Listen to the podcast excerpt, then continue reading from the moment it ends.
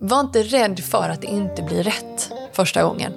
Utan var öppen för att testa och ändra dig om du vill testa någonting annat. Mm. Det vill säga hoppa på en utbildning. Gillar du den inte? Ja, men byt då. Men var uppmärksam på att du inte byter eller ändrar dig för att du börjar tvivla på dig själv eller om du har vad som krävs för att kunna vara där. För det är någonting helt annat. Sådär, ännu ett avsnitt podcast. Varmt välkommen Sandra Furulund. Tack så mycket Alexander, det är jättekul att vara här. Ja, men det är underbart att ha dig här och det, är helt underbart att vara tillbaka från semestern. Mm, jag instämmer helt. Ja. Men jag tänker vi ska inte ödsla någon tid. Hur började din karriär? Hur hamnade där du hamnade till slut och hur började allting? Mitt allra första jobb, om vi ska tänka karriär, det var faktiskt på en vägkyrka i Småland. Redan som 12-åring. Jag har alltid haft den här drivkraften i mig att jag, jag vill vara med och göra. Eh, Så det är det absolut första. Jag var 12 år när jag började med mitt eh, första sommarjobb. En vecka i vägkyrka i Småland. Och sen, så, sen dess så har jag gillat att vara igång. Jag har gillat att vara på en arbetsplats. Så att eh, jag har alltid sökt mig till extrajobb. Jag började extrajobba på eh, ska vi säga, konditori, café redan under högstadiet. Och sen så efter där, gymnasiet, så blev det vidare till ett annat konditori, café, fortsatte där. Och sen eh, eh, efter gymnasiet, studenten, så visste jag inte riktigt vad jag ville bli. jag gick samhällsspråk, tyckte det var fantastiskt kul. Det jag bestämde mig för och hade bestämt mig för och siktat mot, haft som mål, det var att flytta utomlands efter studenten. Närmare bestämt i Paris. Så där eh, pluggade jag först för att liksom ha en, en enkel väg in till att hitta bostad och någonting att göra i en stad som jag aldrig hade bott i tidigare, där jag inte kände någon. Eh, så då började jag plugga franska. Och under tiden så sökte jag jobb och började så småningom jobba på... Eh, någon, alltså tänk dig typ restaurang som finns i anslutning till ett ICA Maxi, ungefär. Mhm. Och stod i kassan där och eh, sålde eh, mat och fika. Gjorde det uruselt, för jag kunde verkligen inte språket ordentligt ännu. Eh, jag hade ingen aning om vad de frågade efter ibland, men löste det ändå. Liksom. Eh, och eh, efter det så sökte jag mig vidare till nu ska vi se här, till en eh, restaurang som låg i Paris fortfarande, eh, nära Gamla Operan. Där jag istället började jobba som servitris på, på utservering och även inne på den restaurangen. Och då var det ju mer Café Indiana hette den, så det var mer, alltså du vet, tacos, eh, inte alls fransk, eh, franskt kök, utan eh, det var tacos, det var burgare, mycket drinkar. Det kom mycket unga människor dit eh, som beställde stora kannor öl. Så att där jag serverade och tog upp beställningar, tyckte det var fantastiskt roligt. Eh, och sen eh, efter där så bestämde jag mig för att eh, sluta jobba på kvällar och, och nätter och istället eh, ta jobb hos en fransk familj faktiskt som ville ha en barnvakt till deras två små barn. Eh, och då var jag, vad var jag då? Runt 20-21 kanske. Så att eh, hon lämnade sin bebis på några veckor till mig. Och jag lyckades. Det var jätte, jätte, jätteroligt. Och ehm, ja, var där i några månader. Och sen så bestämde jag mig för att flytta tillbaka till Sverige så småningom. Och då tog jag upp, då hade vi telefonkatalog.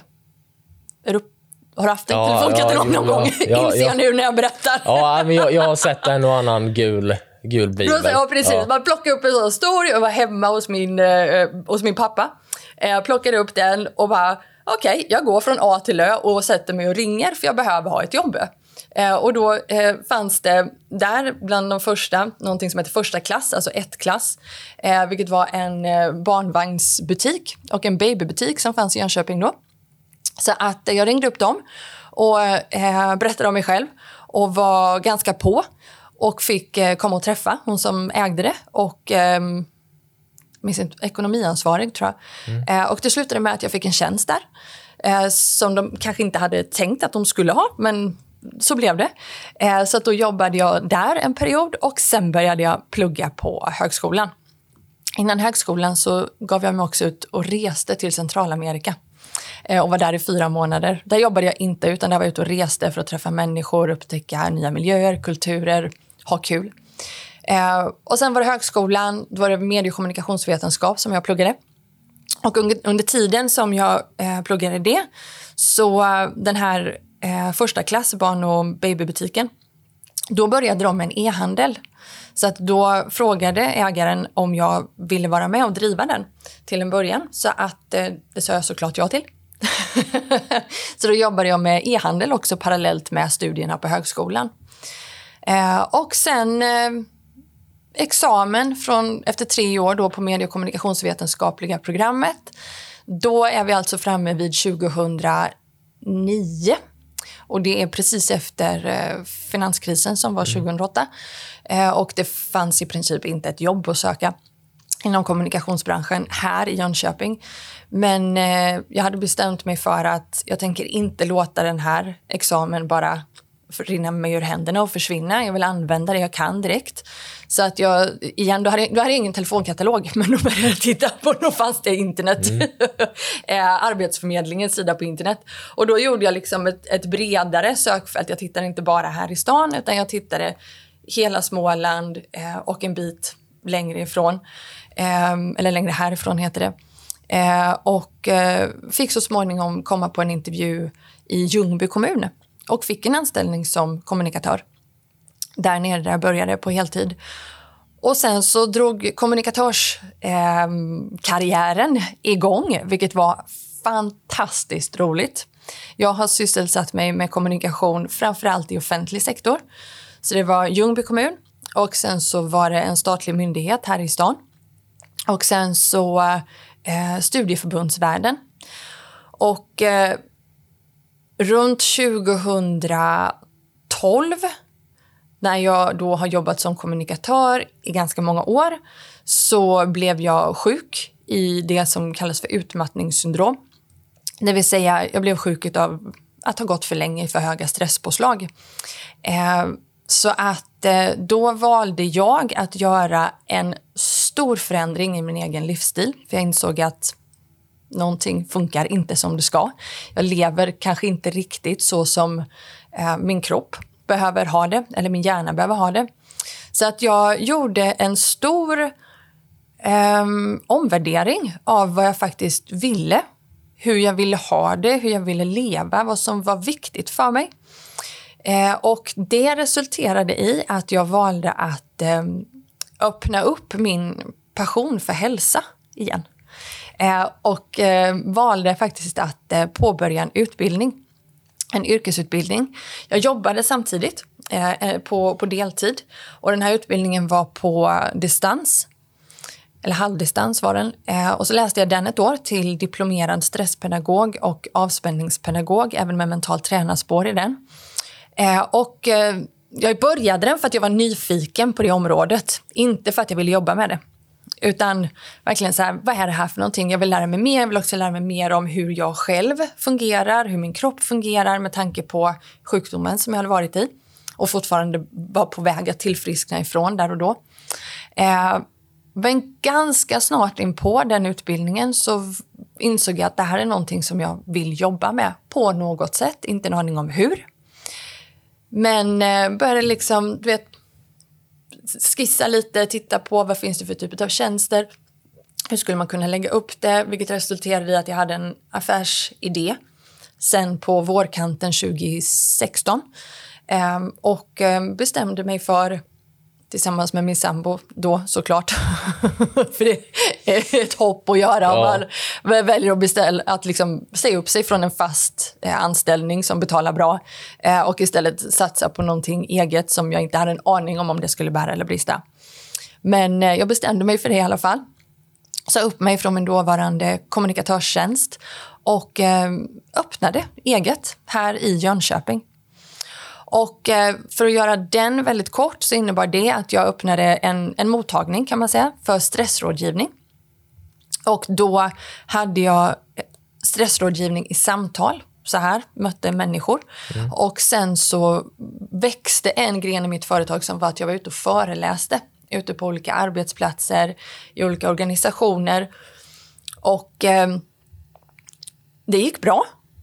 Eh, 2020, i början av det året, när jag tittade på, på min eh, kalender så såg jag att nu, nu är det bra. Alltså det såg ut att bli mitt bästa halvår någonsin i bokningar på föreläsningar. Och sen så vet vi alla vad som hände i mars 2020. Ja. Det tog tre dagar, sen var det helt kanonblankt. Allting blev avbokat eller ombokat på, på, på oviss framtid. Och då fick jag såklart eh, panik där och då, för det var intäkter som försvann. Alltså, det fanns ingenting in. Det eh, fanns små duttar av de här stressrådgivningssamtal in, men, men inte alls att jag skulle kunna leva på det. Eh, så att vad jag bestämde mig för där och då, det var helt enkelt att istället för att se allt det som jag hade förlorat, se allt det som jag hade vunnit, vilket var extremt mycket tid. Och med den tiden så valde jag att prioritera det som jag hade velat prioritera ett tag men inte tagit tag i. Vilket var att paketera om mina tjänster. För jag hade kommit till en punkt där jag kände att jag hade växt ur den kostymen som jag stod i. Eh, för att jag hade lärt mig en hel del under tiden, både som egenföretagare och om de som jag hade mött i stressrådgivning. Ehm, så det valde jag att investera min tid i. Och sen dess så har jag gjort en 360-vändning eh, egentligen i den målgruppen som jag jobbar med. Det är fortfarande väldigt ambitiösa människor, men som är på en annan plats i livet än vad de var eh, när jag jobbade med det här fram till 2020. Och eh, kör nästan 100% digitalt nu eh, med några få inslag av fysiska träffar. Och eh, har skrivit en bok under pandemin som precis har kommit ut. Och eh, det är väl där vi är idag då. Mm. Det är nutid bara för att toucha det du sa i början med ett instick i restaurangbransch, servicebransch och mm. liknande mm. och sen koppla det med resor. Det känns som att du är en personlighetstyp som inte gillar att stå still. Mm, exakt så. Jag älskar att vara på väg. Det är det ja, bästa jag vet. Ja, men det, det, är också ett väldigt stort tecken på en entreprenörs anda. Mm. Att man gillar inte när saker och ting står stilla. Även om fast det är jättebra så känns det fortfarande som att det inte händer någonting. Mm. Och majoriteten av entreprenörer som du själv vet, du som har suttit i många sessioner och liknande, drivs ju av händelser. Mm. Och oförutsägbara händelser lite också, för det är mm. spännande och bildar nyfikenhet på det sättet. Men känner du, vad, vad, fick du ut mest och vad lärde du dig mest genom dina år i Frankrike, eller din tid i Frankrike och inom service och den branschen som helhet? Vad kände du att du fick ut som du kunde applicera på ditt eget företag, ja, företagande? Så bra fråga som jag faktiskt inte har tänkt på innan. Men det som slår mig direkt, det är att lyssna. Det vill säga att, att, att se kunden och, och lyssna. Och det här, det här, kan ju låta kanske lite konstigt nu, men du, du, du vet själv när man är i en restaurangmiljö, eh, det är mycket sål, man, man får verkligen anstränga sig för att höra vad personen mm. säger och slå på sitt aktiva lyssnande. Det inser jag nu att det var någonting som, som jag verkligen tar med mig därifrån. Ett lär, en lärdom och någonting som, som finns med. Att jag blev väldigt, väldigt tränad i att lyssna. Och inte bara lyssna till vad personen säger utan också till att lyssna in. Okej, okay, vad, vad, vad, kan vi ge den här personen för typ av upplevelse mm. i den här miljön? Mervärde. Eh, kanske, alltså du är med mig att Man får bygga en pusselbit som exakt, matchar. Exakt. Mm. Men härligt, men jag tänker också just inom ditt entreprenörskap, mm. vad känner du att du fann genom dig själv de senare åren? Känner du att du fann någonting du inte hittade inom att jobba kommunalt eller för en statlig faktor? Eller vad drev dig extra mycket till att köra någonting just själv? Det, det, finns till exempel någonting som driver mig till att köra själv. Det är att eh, få fatta besluten själv. Och att det inte är för långa ställtider på beslutsfattande. Mm. Utan att det är... Det går snabbt. Det går snabbt, exakt. Och det betyder också att ibland blir det fel beslut som fattas. Och det blir vad vi skulle kunna kalla för ett misstag. Jag väljer att se på det som att det är ett lärande. Okej, det funkar inte, men det har tagit mig ett steg vidare och så har jag lärt mig någonting där och så kan jag gå vidare utifrån det istället för att sitta kvar och titta och försöka tänka ut allting. Mm. Eh, så snabba beslut. Eh, och ehm, eh, sen så skulle jag nog även säga precis det du satte fingret på här alldeles nyss, att det finns en annan typ av utmaning för mig i att vara egen som jag inte kan få som anställd. Det blir ett speciellt äventyr bara för just dig. Ja. För att om jag hade gjort samma resa så hade det fortfarande inte alls varit samma del om jag gick in i egenföretagsverksamheten. Sant. För att det är så djupt begrundat i vem du är som människa. Och jag tror också det är det, för jag har fått ut det i mitt unga liv av restaurangbranschresan. Just det att kunna leverera en perfekt produkt, i andra ord då en pusselbit matchad till händelsen. Det, att få den möjligheten som egenföretagare och kunna bygga den pusselbiten helt själv. För när du jobbar på en restaurang så du, står du ändå lite på händerna på andra, på dina medarbetare. Och då blir det också att om någon inte har en bra dag eller liknande, då blir ju det också din dåliga dag på ett eller annat sätt. Så jag kände ju den attraktiviteten hos egenföretagsverksamhet som helhet, just det att jag står för hela min produkt från pro- produktion till lever- ja, lev- leverera produkten till slut. Då blir det också, om som du säger, du har en motgång eller det går dåligt, då är det mycket lättare att bryta ner den också. För att då blir det inte så många variabler som du inte styr över. Då blir det bara dig själv, det är lättare och just då för dig som inom den typen av bransch där det är väldigt mycket vad har hänt? Vi tar ditt problem, vi bryter isär problemet och hur kommer vi vidare? Det blir samma strategi du använder i ett bra företag för att komma framåt. Just det att inte man låser in sig på problem. Men jag tänker om vi går in på motgångar där runt 08 och d- den smällen majoriteten av egenföretagare tar, eller tog vid den tiden, eh, likt du sa dig själv, vad, vad var det som hände? Eh, där och då så var jag ju inte egenföretagare 08. Ja, men lite senare. eh, du menar den som kom nu Ja. 2020? Ja, men den eh, smällen när du gick in i eh, väggen. Ah, du menar när jag gick in i väggen? Nu är jag med! den skulle jag säga så här. Alltså, där spelade... Det spelar ingen roll vad du har för typ av anställningsform eller vad du har för typ av bransch. Utif utifrån mitt sätt att se på det, utifrån min, min lärdom här nu, så är det den här som du eh, benämner som du gillar att vara på väg. Alltså det finns ett driv i dig, det finns en drivkraft i att, att, att, att köra, att leverera, att göra. Den, om du har den i dig någonstans så kommer den att kunna aktiveras oavsett var du befinner dig eller vad du än jobbar med. I mitt fall, det som hände var, eller det, det jag var i, det var att jag har den här, det här drivet i mig, det här inre drivet. Eh, och var på, alltså jag, när jag tittar tillbaka, jag kom liksom från, eh, vad blir det, 2012, jag kom från un, ungefär fem år av att inte ha sovit ordentligt. Hade ingenting med mitt jobb att göra, hade ingenting eh, med någon chef eller några medarbetare att göra utan det, det var en personlig kris där min lillebror gick bort väldigt, väldigt hastigt i en bilolycka. Vilket eh, påverkade mig på flera olika sätt såklart. Ett av dem var att eh, eh jag hade svårt att sova och till och med hoppade över sömnen för att det var så jobbigt att gå och lägga sig i sängen för att komma alla känslor. Eh, så att fem år utav väldigt dålig sömn innebär att jag hade liksom inget skydd längre att ta av. Jag fann, jag, min kropp och mitt immunförsvar fick ju aldrig eh, chansen att bygga upp sig, att reparera celler som blivit skadade under dagarna. Så om du tar det i kombination med att vilja leverera, att vilja göra, att vilja eh, se till att det blir kvalitet och så vidare på jobbet.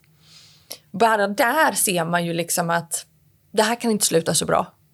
Men på det sen då, vad som hände var också att jag var i olika projekt som kommunikatör där förutsättningarna försämrades väldigt mycket. Jag var ganska ung. Jag var 20, strax under 28 där och då. Eh, och visste liksom inte riktigt är det okej att säga nej? Är det okej att säga att jag tänker inte jobba under de här förutsättningarna? När jag ser nu så, jo det är det faktiskt. Man kan säga till i ett sånt fall att nej, jag tänker inte jobba med de här förutsättningarna för jag kan inte leverera bra, men jag har ingen susning. Så att vad som hände där och då, det var egentligen att jag körde över väldigt många gränser på, på mitt personliga plan. Eh, och tappade helt bort kopplingen mellan att lyssna efter vad som kändes rätt och vad som inte kändes rätt. Och Jag tror det går att koppla väldigt mycket till just serviceyrket som ungdomsbas, att komma just från den delen, för att där växer man lite upp i en kultur där kunden har alltid rätt. Det är en väldigt stor kliché, men det stämmer ju väldigt mycket inom den branschen, mm. för det är så den är upplagd, för det är ändå service. Mm. Och Då kan jag tänka mig i, i ditt fall och i många andras fall som har gått igenom ungefär samma situation, så blir det ju väldigt, tenderar, måste nästan tendera till att man överarbetar den delen att man alltid vill att alla andra ska vara nöjda innan man själv kan slappna av.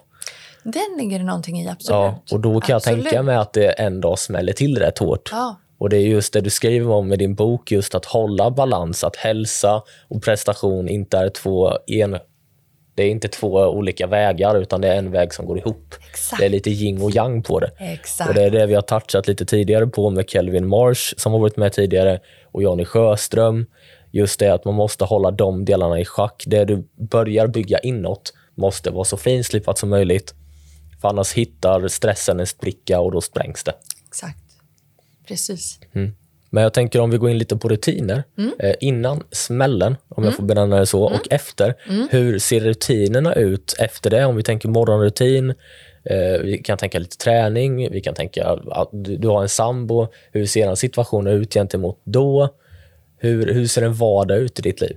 Ska, ska jag summera det väldigt, väldigt hårdra det? Ja. Innan, efter. Mm. Innan, noll rutiner. Efter, rutiner.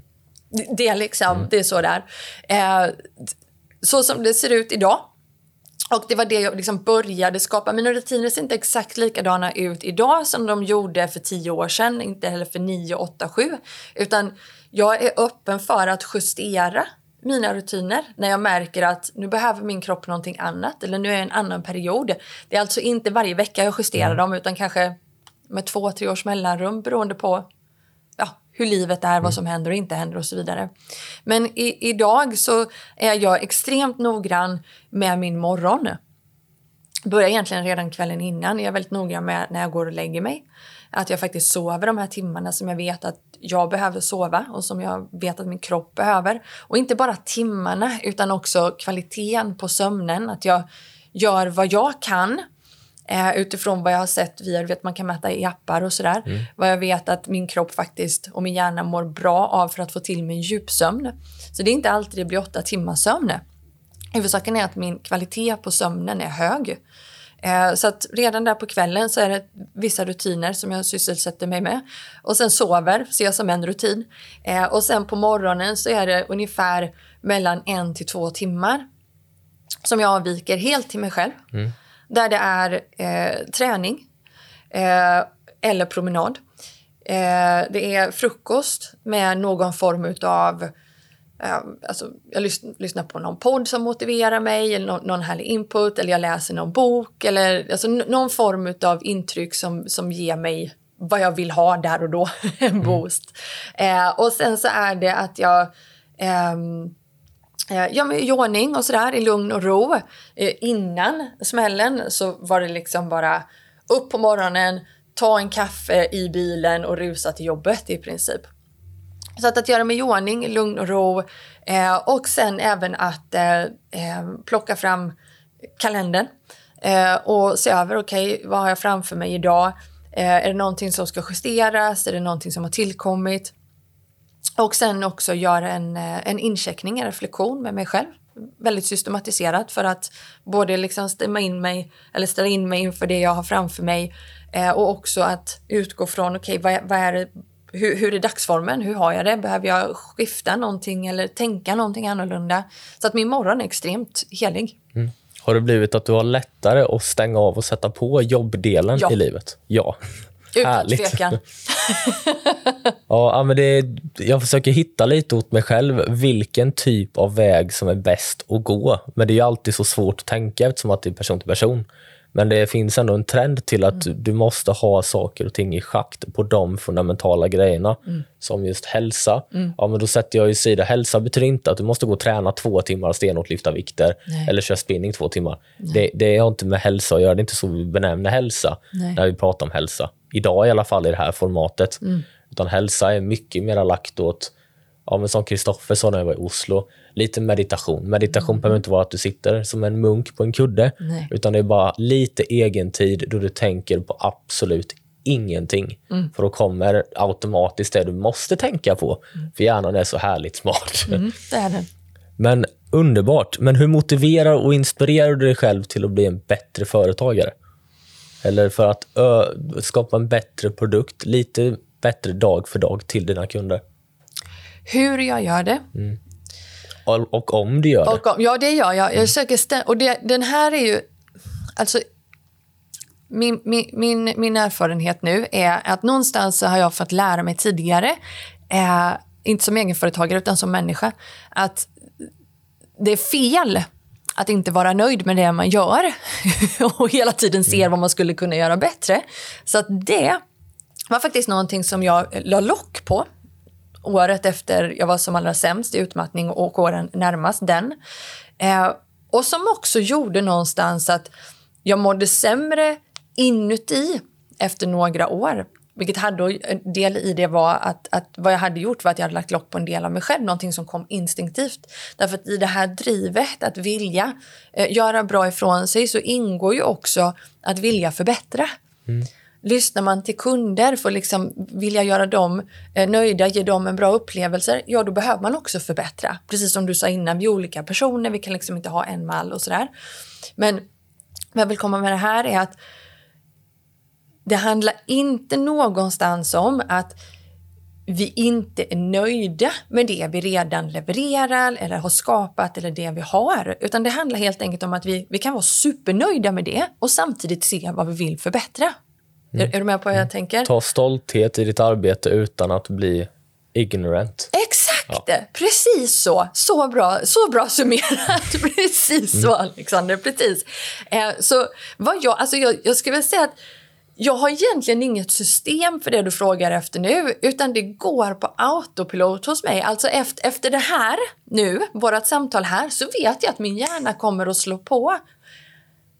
Det där kunde jag sagt lite annorlunda. Eller så där skulle jag kunna formulerat mig. Undrar om de fattar vad jag säger där. Och det någonstans har jag tidigare fått lära mig handlar om att du har så höga krav på dig själv eller att du aldrig kan vara nöjd. Numera så vet jag att det inte är det det handlar om. Det handlar om att jag är en person som har på autopilot att vilja förbättra, att vilja eh, bli bättre, att vilja växa, både jag som människa och då också även mitt företag. Så att det går på autopilot. Så att det både efter att jag har levererat eller gjort någonting som den går på och så reflekterar jag kring det. Jag dömer inte mig själv. Jag lägger inte någon skam på mig själv. Det handlar inte om att jag har gjort någonting fel utan det handlar om att fånga upp dem och tänka till. Ja, men nästa gång då? Hur skulle jag vilja göra då? Eller är du med på vad jag tänker? Så det är en. Eh, Den andra är ju att jag inför ett kundmöte till exempel eller inför en, kund, eh, en coachingsession så är det att jag liksom tar en, en, en kvart, 20 minuter till att samla ihop mig och titta på vem är det jag har framför mig. Vad var det vi hade förra gången? Eh, och titta på hur, hur kan jag se till att det här blir riktigt bra och till och med bättre den här sessionen. Det beror ju på vad det är för någonting. ja, kan vara en session session, ett möte, kan vara en sån här grej. Alltså att man tar den här tiden innan och efter. För jag, jag, jag har fått lära mig i alla fall av en mentor av mig, eller han sa det väldigt fint, att du har ett rationellt tänkande och du har ett emotionellt tänkande. Desto yngre du är, desto mer emotionellt styrd är du. Det är därför bebisar gråter och inte stannar upp och tänker mm, undrar varför jag gråter nu. Och det, sweet spoten där det rationella är färdigutvecklat ligger runt 25-24 snåret i genomsnitt. Och då tänker i alla fall någon, jag själv då som är rätt ung, att ja, men det handlar inte om, och det märks ännu mer på det du säger och det du skriver i din bok, det handlar inte om att rationalitet är nyckeln till allt och att rationellt styrd hälsa och produktivitet styr allt, utan det handlar mer om att när du väljer att dra in emotionella tankar i ett sammanhang, gör det på ett kontrollerat sätt och gör det inte i ren panik. För gör du det i ren panik, då slår det tillbaka ännu mer, för då blir det inte ett rationellt beslut. Exakt. Och det är det som är lite tungt men också jättenödvändigt som egenföretagare som du säkert vet av erfarenhet att man måste kunna styra de två rätt bra för att det ska gå ihop sig. Ja. För om du är helt emotionellt avstängd, då dör ju kundservicen. Ja. Exakt. Och då dör också kundserviceinsikten i dig själv för att utvärdera ditt arbete och din produkt. Ja. Och, och vi dör som människa någonstans för vi har känslor. Ja, Vi är inte precis. bara logiska. Nej, det hade varit lite, det hade varit lite tråkigt om Ja, om världen men var så. precis så. Så bra. Mm. Absolut. Men jag tänker, om vi går in på just träningsdelen lite. Mm. Om du kör träning, Ja. vad kör du för typ av träning? Eh, jag springer, springer Mm. utomhus eh, och, kör eh, styrka. Vad har fått dig att dras till de två? Eh, eh, med största sannolikhet så är det för att jag, kom, jag spelar fotboll eh, från sju års ålder upp till 17-18. Eh, och där har du båda de delarna. Känner du att du kan göra det likt på ett meditativt sätt eller går du in i en lite mer arbetsbubbla och bara får det gjort och sen är det checka ut, nu är jag klar, nu har jag tömt kroppen, färdig. Hur, hur använder du din träning? Det är också från, från, från dag till dag, eh, faktiskt. Det jag helt har tagit bort är eh, till exempel att jag mäter min tid. Eh, alltså om jag är ute och springer till exempel. Eller att jag försöker slå en tid, springa en viss distans, distans på en viss tid. Och, och det är jag personligen som vill ha det på det sättet. För jag vill använda min träning till eh, att, att ge min kropp och min hjärna och också mina känslor det som jag vill ha inför den här dagen. Eh, och det, alltså det är jätteolika. Som kvinna så eh, är det inte alla som har det, men en del av oss har det och jag tillhör den gruppen. Eh, PMS, en vecka eller två varje månad plus en mensvecka. Vilket gör att hormonerna blir helt kajko kan vi säga. och då ser min träning ut på ett visst sätt. Eh, alltså då vet jag att löpning är ingenting jag ska sysselsätta mig med där och då. Det funkar inte så himla bra. Däremot väldigt tunga lyft funkar för mig. Jag säger inte att det är så man ska göra utan du behöver själv eh, läsa på, experimentera och testa. Det har jag upptäckt funkar väldigt bra för mig för att vad som händer i de veckorna för mig är att jag eh, tvivlar jättemycket på mig själv. Jag får mer tendens till nedstämda tankar och har mycket lättare för att inte känna för saker och ting som jag egentligen vet att jag vill men jag känner inte för det. Och drar jag på med tunga lyft eh, på morgonen så, så kickar det igång mig till att ja, men okej, nu har jag egentligen tagit mig igenom det absolut jobbigaste den här dagen. Då kan jag faktiskt tuna in mig och, och, och fortsätta. Eh, och det handlar inte om att jag sliter på mig själv, för det vet jag också finns någon så här slags påstående där ute om att man inte ska köra över sin kropp, utan men okej, är du trött så ska, och inte känner för det så kanske du bara ska ge dig själv lite fluff-fluff den här dagen. När man har gjort den här resan och, liksom, och är på den resan att lära känna sig själv, utveckla sig själv, vet hur man funkar, vad man mår bra av, så vet man också med sig när det inte längre handlar om att man kör över sina gränser. Det är inte det det gör, utan det handlar om att jag vet så väl att jag har en passion för det jag sysselsätter mig med. Jag vill bidra. Jag vet att det gör skillnad, det som jag gör. Jag vet också att jag mår bra av att hjälpa andra.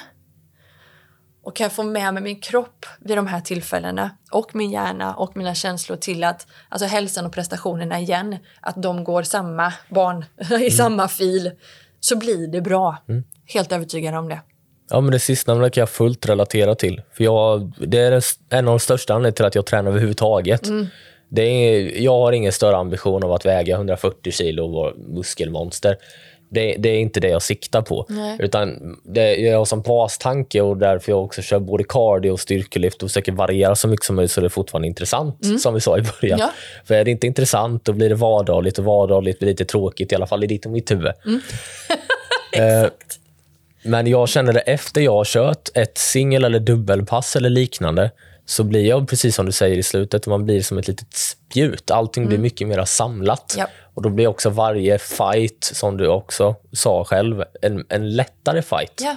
För även om det är ett svårt beslut på jobbet eller du har haft en diskussion med någon Ja. nära eller liknande, det blir mycket lättare att ta ett andetag i Ja. den situationen och tänka okej, hur stort är det här problemet? Hur allvarligt är det? Hur ska vi attackera det båda två för att lösa det? För det, det har man ju lärt sig av historien. Det hjälper inte att stå från varsitt håll och kasta sandgrejer. Inte det. Det funkar inte. Men jag tänker vi går in på den näst sista delen. Nätverk och yrkesområden och utbildning. Om vi börjar på nätverk. Hur nätverkar du om du ser att du nätverkar aktivt? Och hur hade du rekommenderat någon i, yngre ålder eller dig själv vid min ålder att nätverka? För att nå det målet där du sitter idag, tidigare. Eh, jag, nu, numera så är jag äntligen ute igen på fysiska platser och träffar andra människor, vilket vi är många som äntligen så här... "Ah", Och då är jag ändå eh, väldigt introvert. Till, i, i, i, som, som person. Eh, älskar människor, älskar möten, men har ett, ett introvert eh, drag som är ganska starkt. Men jag har verkligen saknat att, att träffa människor. Vad jag skulle säga är, eh, testa olika nätverk. Var inte rädd för att, att gå på som gäst, eh, vara med en period, ett halvår, ett år till exempel. Och välj nätverk utifrån vad du har för mål. Och utifrån också vad du vill kunna bidra med. För det handlar inte bara om att, att ta i ett nätverk eller att få i ett nätverk. Utan det är ju också, vad, vad kan jag bidra med här? Är det här en grupp människor som jag kan ge någonting till? Så. Eh, så, så, så, så skulle jag resonera och, och sen testa. Och jag har märkt det, i alla fall med LinkedIn-perioden nu som jag växer upp lite i, Mm. den boomen.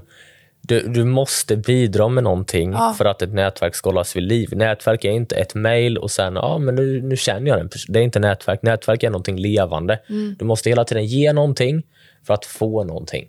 Det, är lite det, det finns i varenda aspekt inom varenda yrke Mm. överhuvudtaget.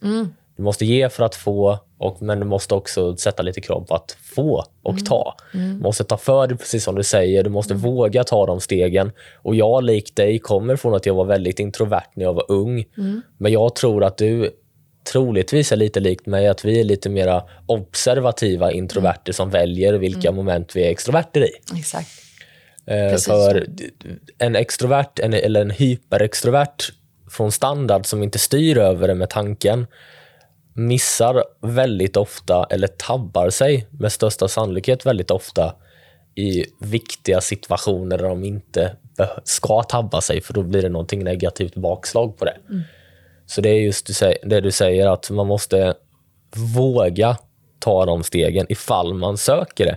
Men nu lever vi i en värld där kommunikation styr extremt mycket. Genom både sociala medier och allting. Det är mycket lättare att komma åt folk, men då är det också mycket viktigare varje ord du skriver, säger och talar till personen. För att det är mycket mer effekt för att den personen träffar dig eller ser dig eller kan skriva till dig med en, ja, med 30 sekunder via telefonen. Gentemot förr, innan teknologin och det kom innan jag kom, eh, så var det mycket mer baserat i att ja, men, okej, du tabbade en gång, det gick fyra år, det är ingen som kommer ihåg det. Mm, Men det är är. Mm. Ja, men det är fortfarande första intrycket sätter ju ändå standard. Så just det du säger, och det tror jag att du kan rekommendera också. Väldigt bra träning om man startar och känner av att man är mer introvert som människa. Gå in åt branscher likt service där du nästan tvingar dig själv till att ta det mer extroverta steget. För att då lär du dig försäljning på köpet. Absolut. Hur simpelt som helst. Men Absolut. yrkesområden, om du hade rekommenderat dig själv i min ålder att välja ett yrkesområde, om du, om du hade valt om, eller om du kanske inte hade valt ett annat, men om du hade valt ett annat, vad hade du valt mot då? Om vi skippar sommarjobb och liknande och tar första riktiga jobb, inom citationstecken. Ja, jag fattar. Jag hade inte gjort om någonting eh, av, av mina val. För att jag ser att det finns, hur klyschigt än kan låta, det finns lärdomar överallt. Jag har aldrig stått där jag står idag med det, med det som är jag, med det jag har insett, med det jag kan ge, med det jag kan bidra med och med det jag gör. Om jag inte hade gått den vägen som jag har gått. Den hade sett helt annorlunda ut i så fall. Och jag hade förmodligen gjort och varit någonting helt annorlunda. Så jag hade inte valt något annat. Det jag skulle verkligen vill jag skicka med till mig själv då, som 19-åring säger vi, det är att var inte, alltså, var inte rädd för att det inte blir rätt första gången. Utan var öppen för att testa och ändra dig om du vill testa någonting annat. Det vill säga hoppa på en utbildning, gillar du den inte, ja men byt då.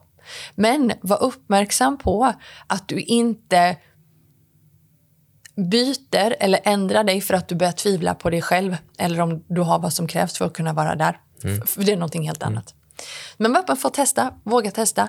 Eh, jag hade också eh, velat skicka med till andra, det var faktiskt någonting som jag själv gick på eh, när jag väl valde vad jag skulle jobba med när jag blir stor, inom situationstecken, eh, det är att gå på det som du känner att du har en, alltså en passion för. Någonting som du, du instinktivt känner att det här tycker jag är kul.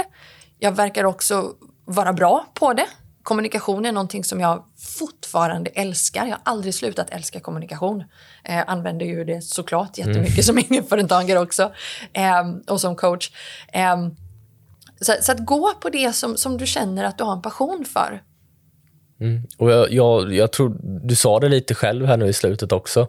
Passion är rätt hårt draget, bra emotionellt, rationellt styrda basidéer. Ja. Medan då om du säger att så fort du får in tvivel, det är en destruktiv mm. emotionell tankebas. Så det, det kommer slå tillbaka för att du gör inte det bästa rationella valet för dig själv. Mm. Exakt. Underbart. Men mm. eh, om du hade rekommenderat kvittar kille eller tjej, bara någon som kommer ge sig ut i karriärslivet, som inte riktigt vet vad de vill göra, som inte riktigt vet vad de vill gå, styrt med passion då som du sa, som grund, vad hade du sagt till dem? Om du hade gett ett konkret tips? Ta första steget och testa. Testa? Ja, det är det. Mm. För, för, vi kan aldrig tänka ut hela vägen. Vi, vi, kan aldrig tänka ut, kommer jag att gilla det där? Testa. Mm. Kommer det att funka? Kan vi heller inte tänka ut. Testa. Ja, ja precis. var nyfiken. Ja. Och med det sagt då också, var öppen för att det är okej okay att göra fel, att det är okej okay att misslyckas. Allt sånt bidrar bara till klokhet mm. och lärdomar. Underbart. Tack så jättemycket Sandra för att du var med. Tack för att jag fick komma. Det var riktigt roligt. Och lycka till med boken. Tack så mycket. Den är hur bra som helst. Jag kommer länka till den i allting jag kan länka till den. Eh, jag har inte hunnit läsa ut hela, men den är riktigt, riktigt bra. Tack! Det blir jag riktigt glad av att höra. Ha det så bra. Och en väldigt produktiv arbetsvecka. Tackar.